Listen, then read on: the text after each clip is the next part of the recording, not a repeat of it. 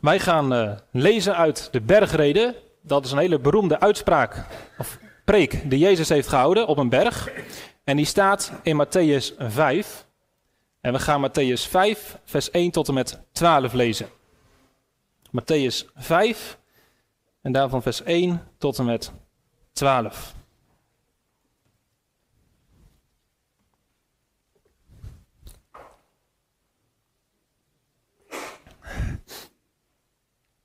En hier komt dat woordje zalig, waar we er net mee begonnen, komt uh, een paar keer naar voren. En jullie moeten tellen. Dus hoe vaak noemt Jezus het woord zalig? Ja, dat is niet een moeilijke opdracht, hè? Goed luisteren. Hoe vaak noemt Jezus het woord zalig? Matthäus 5, vers 1. Toen Jezus de menigte zag, alle mensen, ging hij de berg op. En nadat Jezus was gaan zitten, kwamen zijn discipelen bij hem. En Jezus opende zijn mond en hij gaf hen onderwijs. Hij zei: Zalig zijn de armen van geest, want van hen is het koninkrijk der hemelen. Zalig zijn zij die treuren, want zij zullen vertroost worden.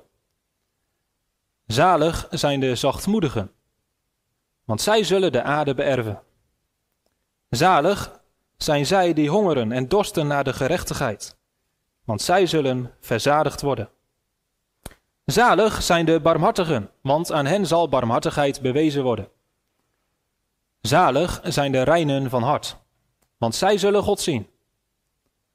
Zalig zijn de vredestichters, want zij zullen Gods kinderen genoemd worden. Zalig zijn zij die vervolgd worden om de gerechtigheid, want van hen is het koninkrijk der hemelen. Zalig bent u als men u smaadt en vervolgt en door te liegen allerlei kwaad tegen u spreekt, omwille van mij. Verblijd en verheug u, want uw loon is groot in de hemelen. Want zo hebben ze de profeten vervolgd die er voor u geweest zijn. Tot zover de woorden van Jezus. Nou, zalig of gelukkig zijn de mensen die. Dat gaat Jezus vertellen. Maar voordat Jezus het ons gaat vertellen, wil ik graag eerst jullie gedachten horen. Want ik denk dat wij allemaal daar wel een mening over hebben. Wanneer ben je gelukkig? Wat zijn nou de mensen die echt gelukkig zijn? Nou, kunnen jullie mij helpen? En uh, we gaan proberen net zoveel zinnen te maken als Jezus heeft gemaakt. Gelukkig zijn de mensen die. Wanneer ben je gelukkig? Wie durft? Nog een keer. Liefde. Ja. Nog één keer. Liefde is geluk. Oké, ja, mooi. Dus gelukkig zijn de mensen die anderen kunnen liefhebben of die door anderen geliefd worden. Nog andere kinderen die iets willen zeggen? Danielle. Gelukkig zijn de mensen die vrije tijd hebben met familie en vrienden. Prachtig.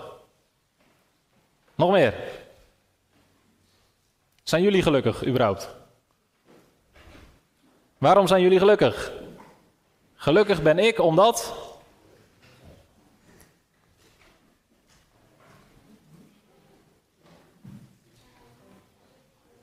Omdat ik een kind van God ben. Nou, dan kom je heel dicht bij het antwoord van Jezus. Mooi. Gelukkig zijn de mensen die kinderen van God zijn. We hebben er nu drie, maar Jezus kon er nog veel meer noemen. Wij ook wel, toch? Ja? Gelukkig zijn de mensen die een huis hebben. Hoe erg is het als je een zwerver bent of geen huis hebt? Een dak boven je hoofd, een vluchteling. Mooi. Ja? Ja, heel goed. En in mij bedoel je Jezus of in God? Ja. Dus gelukkig zijn er mensen die in God geloven. Mooi. Wat denken jullie wat mensen gewoon buiten de kerk denken? Waar worden mensen gelukkig van in het leven? Ja? Geld. Ja, natuurlijk. Geld maakt gelukkig. Ja. Helaas heb ik het niet. Geld maakt gelukkig. Ja, dus mensen zijn gelukkig die veel geld hebben. Ja, maar dat denken sommige mensen wel. Heel goed. Nog andere dingen? We hebben er nu uh, vijf of zo, hè? Danielle? Ja, gelukkig zijn er mensen die lekker kunnen feesten. Oké. Heel goed. Nog meer?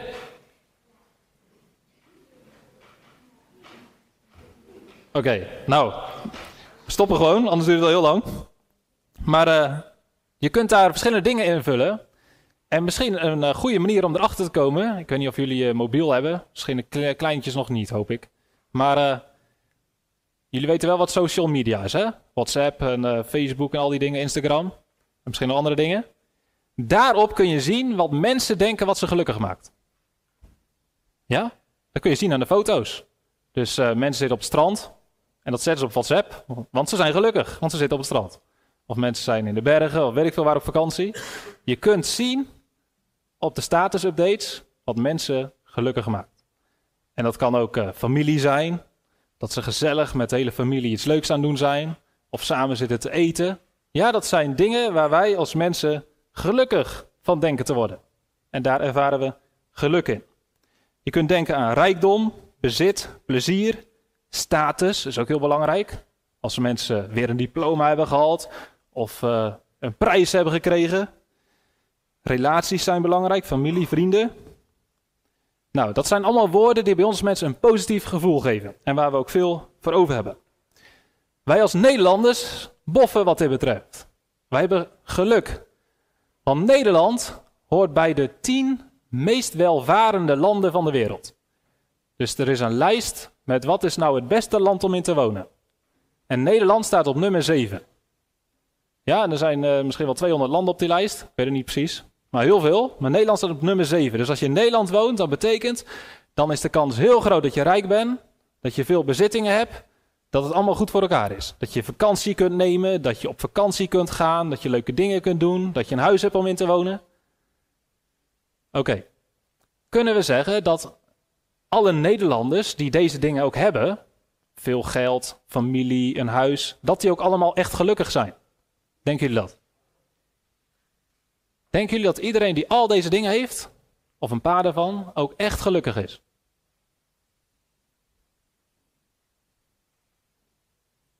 Maken deze dingen automatisch mensen gelukkig? Zoals dus je heel veel geld hebt, mensen die heel rijk zijn, zijn die altijd gelukkig?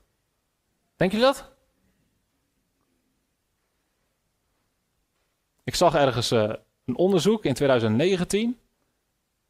Hoeveel mensen in Nederland naar de psycholoog gaan elk jaar. En dat is van de volwassen mensen tussen de, volgens mij is dat de 18 en de, ergens in de 70 jaar, 70 jaar of zo, die groep mensen. Daarvan gaat 26 procent, dat is iets meer dan een kwart, gaat elk jaar naar de psycholoog. Of heeft psychische hulp nodig. Dat is best bizar. Dus dat betekent dat je in een heel rijk en welvarend land kunt leven en toch lang niet altijd gelukkig voelen.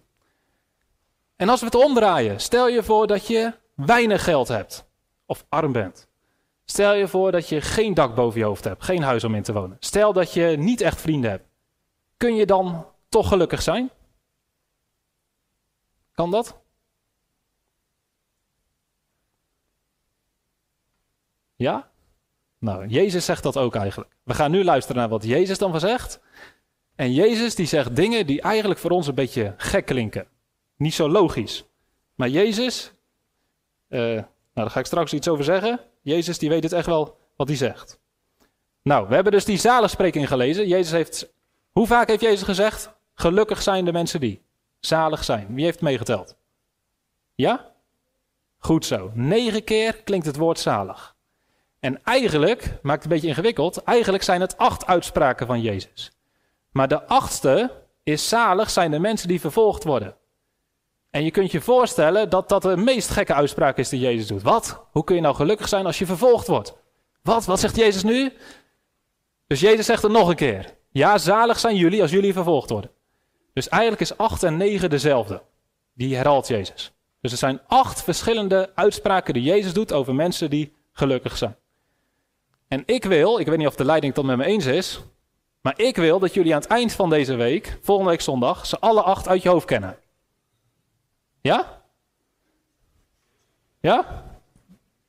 Dus aan het eind van deze week kunnen jullie uit je hoofd al die acht opzeggen. En ik ga ze nu vast noemen, dus gewoon proberen alvast mee te doen. Eerst zegt Jezus, zalig zijn de armen van de geest. Twee zegt Jezus, zalig zijn de mensen die treuren. Drie, zalig zijn de zachtmoedigen. Vier, zalig zijn de mensen die honger hebben en dorsten naar de gerechtigheid. Vijf, zalig zijn de barmhartigen. Zes, zalig zijn de reinen van hart. Zeven, zalig zijn de vredestichters. En acht, zalig zijn de mensen die vervolgd worden om de gerechtigheid. Nou, je hoort die woorden allemaal en misschien begrijp je ze nog niet allemaal. Dat gaat aan het eind van de week dus sowieso wel gebeuren. Aan het eind van de week weet je wat deze woorden betekenen. Nu misschien nog niet, maar ze roepen misschien wel een bepaald gevoel op. Dat je wel iets aanvoelt van wat het ongeveer betekent. Zalig zijn de mensen die treuren. Klinkt dat alsof je gelukkig bent? Nee hè? Dus als je deze uitspraken van Jezus hoort, dan denk je, hè, dit is echt, nou ja, we zullen niet zeggen dat het dom is, maar het is wel vreemd. Een beetje onlogisch. Hoe kan Jezus nou zeggen dat zulke mensen gelukkig zijn? Jezus heeft het niet over mensen die rijk zijn. Jezus heeft het helemaal niet over mensen die op vakantie kunnen. Jezus heeft het helemaal niet over mensen die heel veel vrienden hebben. Jezus noemt hele andere dingen. Snapt Jezus het leven eigenlijk wel? Weet Jezus wel waar hij het over heeft? Nou, wie is Jezus? Jezus is de zoon van God, hè? Dus Jezus weet alle dingen heel goed. Sterker nog, Jezus weet alles perfect. Er is niks wat Jezus niet weet. Er is niks wat Jezus niet begrijpt. Jezus is volmaakt. Dus alles wat Jezus zegt, is waar. En als wij dat niet meteen snappen, dan ligt dat aan ons. En moeten wij ons best doen om te begrijpen waarom Jezus dingen zegt. Matthäus probeert ook duidelijk te maken dat wij echt deze woorden van Jezus serieus moeten nemen. En hij vertelt dat Jezus de berg op gaat. En we hebben net uh, de tien geboden gezongen. En om die tien geboden te krijgen, moest ook iemand de berg op gaan. Weet jullie wie dat was? Wie ging de berg op om de tien geboden te krijgen? Mozes, zie je wel, ik wist dat je het wist. Mozes, ja, dus Mozes ging de berg op, de leider van het volk Israël. En hij kreeg daar wetten van God. En die wetten die zeiden eigenlijk, jullie moeten als Israëlieten volgens deze wetten gaan leven. En nu gaan we naar het Nieuw Testament en nu zien we Jezus de berg oplopen. Net als Mozes. En Mozes die kwam terug met wetten. En zo komt Jezus ook terug met wetten. Wetten niet voor het volk Israël, maar wetten voor het koninkrijk van God. Wetten voor christenen. Wetten voor de mensen die in Jezus geloven. Zo zegt Jezus, gaat het in mijn koninkrijk gebeuren. Zo wil ik dat de mensen zijn en zo wil ik dat de mensen met elkaar omgaan en zo wil ik dat de mensen leven. Wie zijn de mensen die horen bij het koninkrijk van God? Nou, ik weet niet of jullie al. Jullie hebben geen paspoort, denk ik, hè? Maar jullie weten wel wat een paspoort is. Sommigen misschien wel. In het paspoort staat het land waar je geboren bent. En voor jullie is dat, denk ik, allemaal Nederland, hè? Dus jullie zijn Nederlanders. Je hoort bij het koninkrijk van de Nederlanden. Daar ben je geboren. Nu zegt de Bijbel dat je opnieuw geboren kunt worden. Dat is niet letterlijk, maar dat is geestelijk. Als je het evangelie hoort, als je hoort over Jezus en je gaat in Jezus geloven, dan zegt de Bijbel, dan word je opnieuw geboren. Dan word je geboren in een ander koninkrijk. Dan word je geboren in het koninkrijk van God. En dan kun je op je paspoort zetten, helaas kan dat niet echt, anders had ik het wel gedaan. Dan kun je opzetten, ik ben een Nederlander en ik ben een christen. Ik ben burger van twee koninkrijken. Ik ben een Nederlander, kan ik niks aan doen. En ik ben een christen. Dat is geweldig. Ja? Nou, dus Jezus maakt duidelijk wat dat voor mensen zijn. Wie zijn de burgers van het koninkrijk van God? Hoe word je een burger? Voor wat voor soort mensen is dat koninkrijk? Hoe gaan die mensen zich gedragen die in dat koninkrijk zijn? Nou, dit zijn uh, de dingen die Jezus allereerst noemt. Zo kun je ze herkennen. Voor zulk soort mensen is het koninkrijk van God. Voor mensen die arm van geest zijn. Voor mensen die treuren. Als je wilt weten hoe die mensen zijn, die zijn zachtmoedig. Dat zijn vredestichters. Het zijn ook mensen die vervolgd worden. Ja, dus zo moet je de woorden van Jezus horen. En dat gaan we van de week ook doen, elke dag eentje. Maar we zijn maar vijf dagen weg. En misschien kunnen we overleggen om er acht dagen van te maken. Maar dat gaat waarschijnlijk ook niet lukken. Nee, oké. Ja, dus uh, we blijven maar vijf dagen weg. En elke dag één zalig spreek, spreuk, zaligspreking. Dat betekent dus dat we er nog drie overhouden.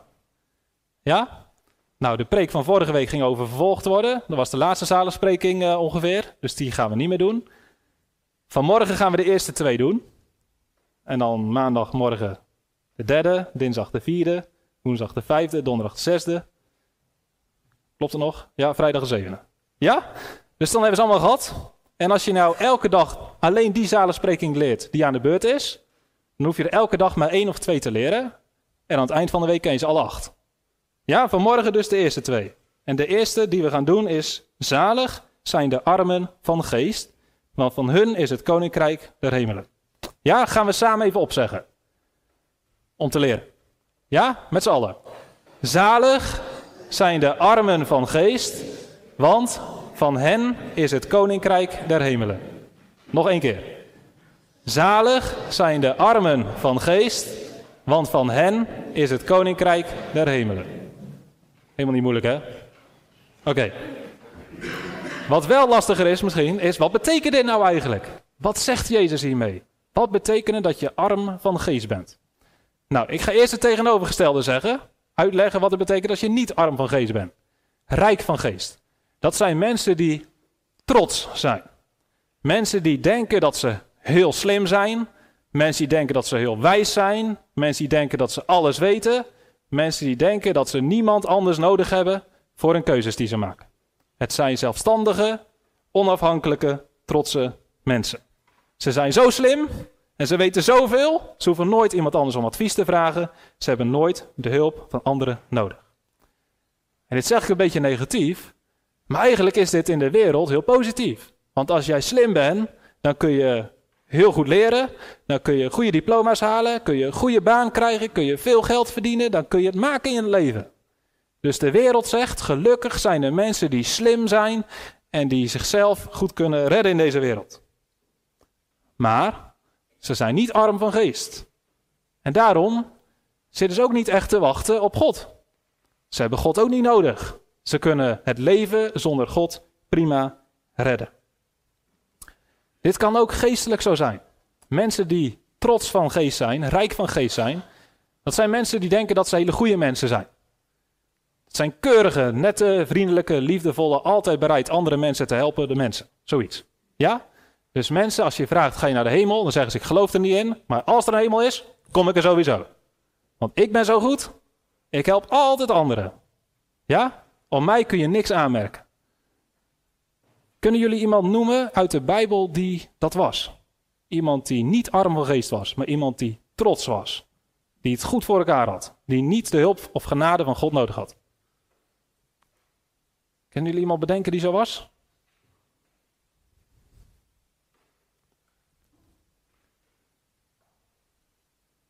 Misschien kennen jullie het verhaal wel dat Jezus vertelt. Van een tollenaar en een fariseer. En die gingen allebei naar de kerk, naar de tempel. Om God te ontmoeten, te bidden.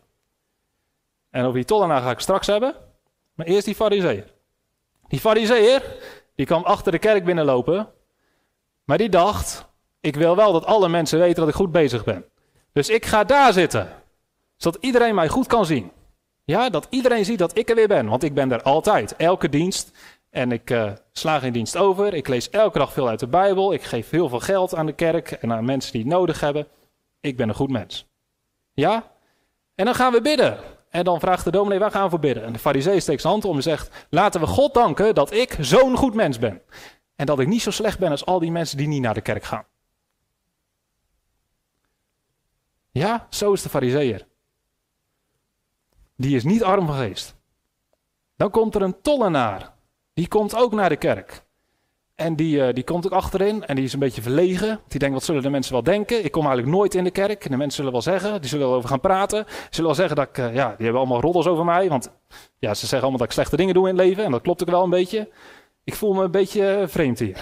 Maar, ik wil toch God leren kennen. Maar ik kan ook me wel voorstellen dat God niet op mij zit te wachten. Weet je wat, ik blijf helemaal achterin staan. En als we gaan bidden, dan zeg ik, Heere God, wilt u mij alstublieft genadig zijn? Ik verdien helemaal niks, alstublieft geef mij genade. En dan loopt hij weer weg. En Jezus zegt, hij gaat naar huis en hij is rechtvaardig bij God. Dat betekent, God zegt, zulke mensen ga ik alle zonden vergeven, zulke mensen wil ik het eeuwige leven geven. En dat is iemand die arm van geest is. Iemand die niet hoog van zichzelf denkt. Iemand die niet denkt dat hij zo goed is. Iemand die juist weet dat hij helemaal niet goed is. En Jezus zegt, zulke mensen zijn gelukkig. Want zulke mensen die willen het evangelie horen. Zulke mensen willen de genade van God ontvangen. Dus mensen die met lege handen bij God komen, die kunnen iets krijgen. Maar mensen die met volle handen bij God komen, ja, daar kan God niks meer in stoppen. Dus die gaan weer terug zonder iets van God te hebben gekregen. En Jezus begint met deze spreuk omdat dit heel belangrijk is. Het eerste wat je moet worden, het eerste wat Jezus van je maakt als je een burger wordt van het koninkrijk van God, dat is iemand die beseft, ik kan alleen maar leven van genade. Als Jezus niet voor mij aan het kruis was gestorven, dan zou ik nooit een plek in de hemel kunnen krijgen. Maar het goede nieuws is, Jezus is wel aan het kruis gestorven voor onze zonden. En hij nodigt mij wel uit om naar hem toe te komen. En als ik in hem geloof, dan zegt de Bijbel, dan krijg ik het eeuwige leven. Paulus die schrijft uh, aan de Efeziërs, de mensen die in Efeze wonen geloven, hij zegt, uit genade zijn jullie zalig geworden, door het geloof. En dan niet uit jullie, jullie hebben niet verdiend, het is de gave, het cadeau van God. En Jezus die zegt eigenlijk ook hiermee, ik wil dat christen ook zo blijven. Dus als je eenmaal gered bent, dan moet je zo blijven. Dan moet je nooit denken dat je een hele goede christen bent. Dan moet je nooit denken dat je beter bent dan anderen. Je moet arm van geest blijven. En als goed is, gebeurt dat ook. Want als je echt met God leeft, als je echt Jezus volgt, dan kom je steeds weer achter dat je steeds weer fouten maakt. Dat je steeds weer slechte verlangens hebt. Dat je steeds weer verkeerde dingen zegt over anderen. En dan ga je steeds beter beseffen hoe je de genade van God nodig hebt. Nog op een andere manier is het belangrijk. Ik had het net over mensen die slim zijn en alles weten. Die hebben de Bijbel ook niet nodig. Want ze weten het allemaal beter. Dus het kan wel dat het in de Bijbel staat, maar ja, dat is een oud boek. Wij zijn veel slimmer dan de mensen in de Bijbel. Dus dat zijn mensen die trots van geest zijn, die volgen niet de Bijbel. Ze weten het beter.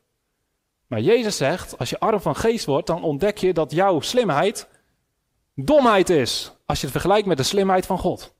God is veel slimmer. God is veel wijzer. God weet alles perfect. Dus beter volg je niet je eigen inzichten. Beter doe je en geloof je wat God in de Bijbel zegt. Christenen, die weten eigenlijk helemaal niks. Maar ze weten heel veel omdat ze geloven in het woord van God in de Bijbel. En hoe meer je vertrouwt op het woord van God, op Gods wijsheid en Gods waarheid, hoe slimmer en wijzer je uiteindelijk bent. Dus, nog één keer, zalig zijn de armen van geest, want van hen is het koninkrijk der hemelen. De tweede voor vandaag. Zalig zijn zij die treuren, want zij zullen vertroost worden. Hardop, met z'n allen. Zalig zijn zij die treuren, want zij zullen vertroost worden. Nog een keer. Zalig zijn zij die treuren, want zij zullen vertroost worden. Nou, jullie kennen er al twee. Dat is uh, vierde, een kwart van alle acht. Oké, die treuren. Ik zei net al, dit is eigenlijk de hele vreemde uitspraak van Jezus. Het klinkt bijna als gelukkig zijn de mensen die niet gelukkig zijn. Dat is tegenstrijdig. Hoe kun je nou gelukkig zijn als je treurt? Misschien moet ik eerst vragen of jullie weten wat treuren betekent. Wat is treuren? Wat doe je dan als je treurt?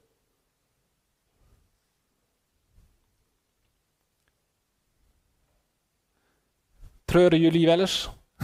Dat woord gebruik je niet, hè? Huilen.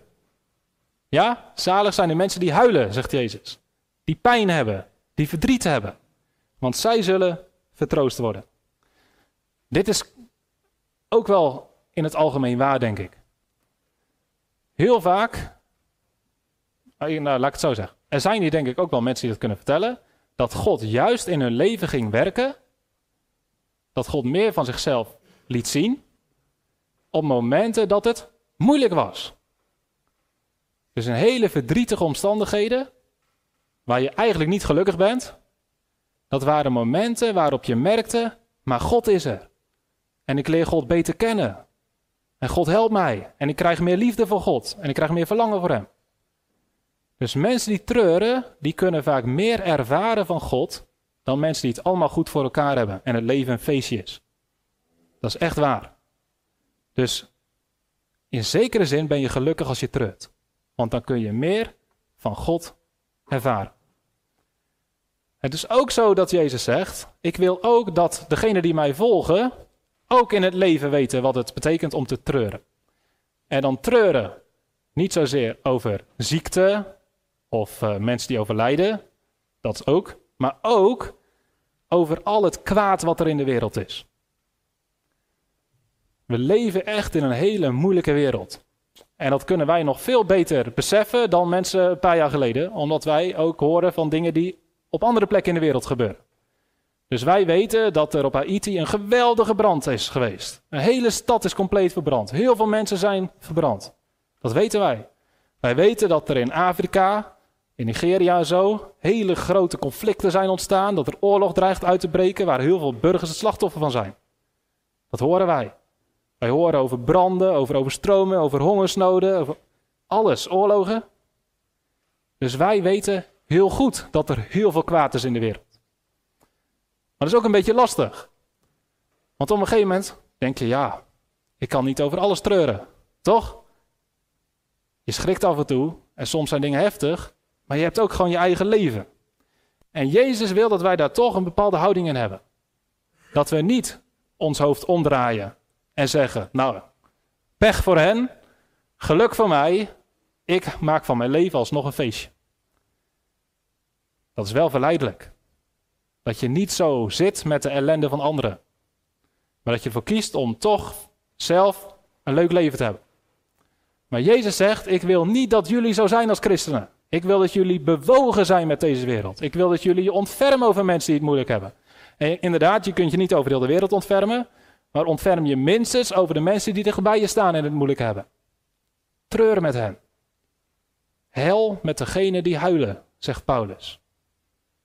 Dus open je hart in plaats van dat je hart dicht doet. Open je hart en probeer mee te leven. Probeer mee te lijden. Probeer oprecht die mensen te helpen. En zo was Jezus zelf ook.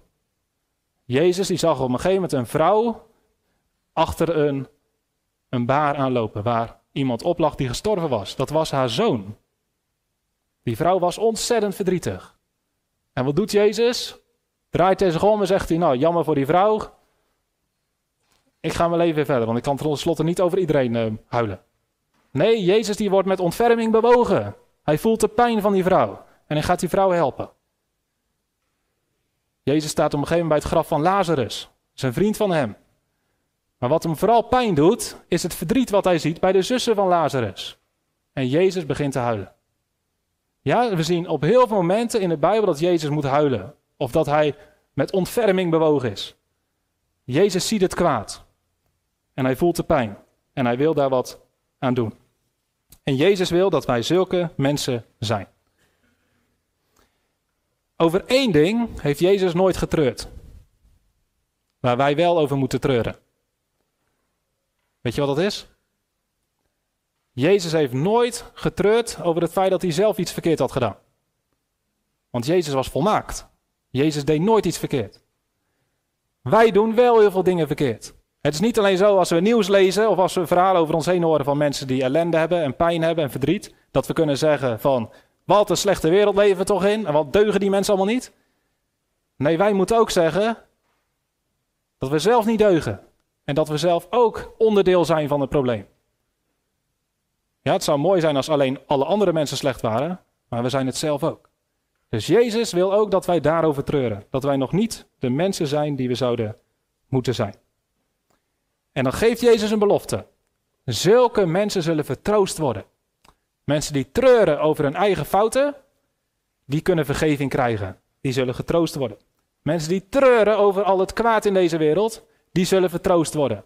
Want God gaat straks een nieuwe wereld maken. waarop alles goed zal zijn. God zal de tranen van de ogen afwissen. Maar als je geen tranen hebt, dan kan God ze ook niet wissen. Als je niet de pijn voelt van deze wereld, dan zul je ook niet horen bij de nieuwe wereld. Dus zalig zijn de mensen die treuren. Jezus zegt er nog scherper in Lucas 5. Zegt Jezus, wee u die nu lacht. Want u zult treuren en huilen. Dus de mensen die ervoor kiezen om uh, alle ellende in de wereld maar te laten gebeuren en zelf gewoon een leuk leven te leiden, zonder anderen te helpen, zonder zich over anderen te ontfermen, die nu lachen, die nu van een leven feestje maken, die zullen straks huilen en treuren. Maar als je nu kiest voor het volgen van Jezus, het helpen van anderen, het huilen met anderen, dan zegt Jezus, dan hoor je bij mij. Dan hoor je bij het koninkrijk van God. En dan zul je straks getroost worden. Bijzonder hè? Dat Jezus zulke andere antwoorden geeft dan wij zouden geven. Zalig zijn de armen van geest en zalig zijn de mensen die treuren. Ik hoop dat jullie nu een beetje snappen wat dat betekent. En dat je ook zegt, ja Heer Jezus, ik wil zo iemand zijn. Die op u lijkt. Die hoort bij het koninkrijk van God. Amen.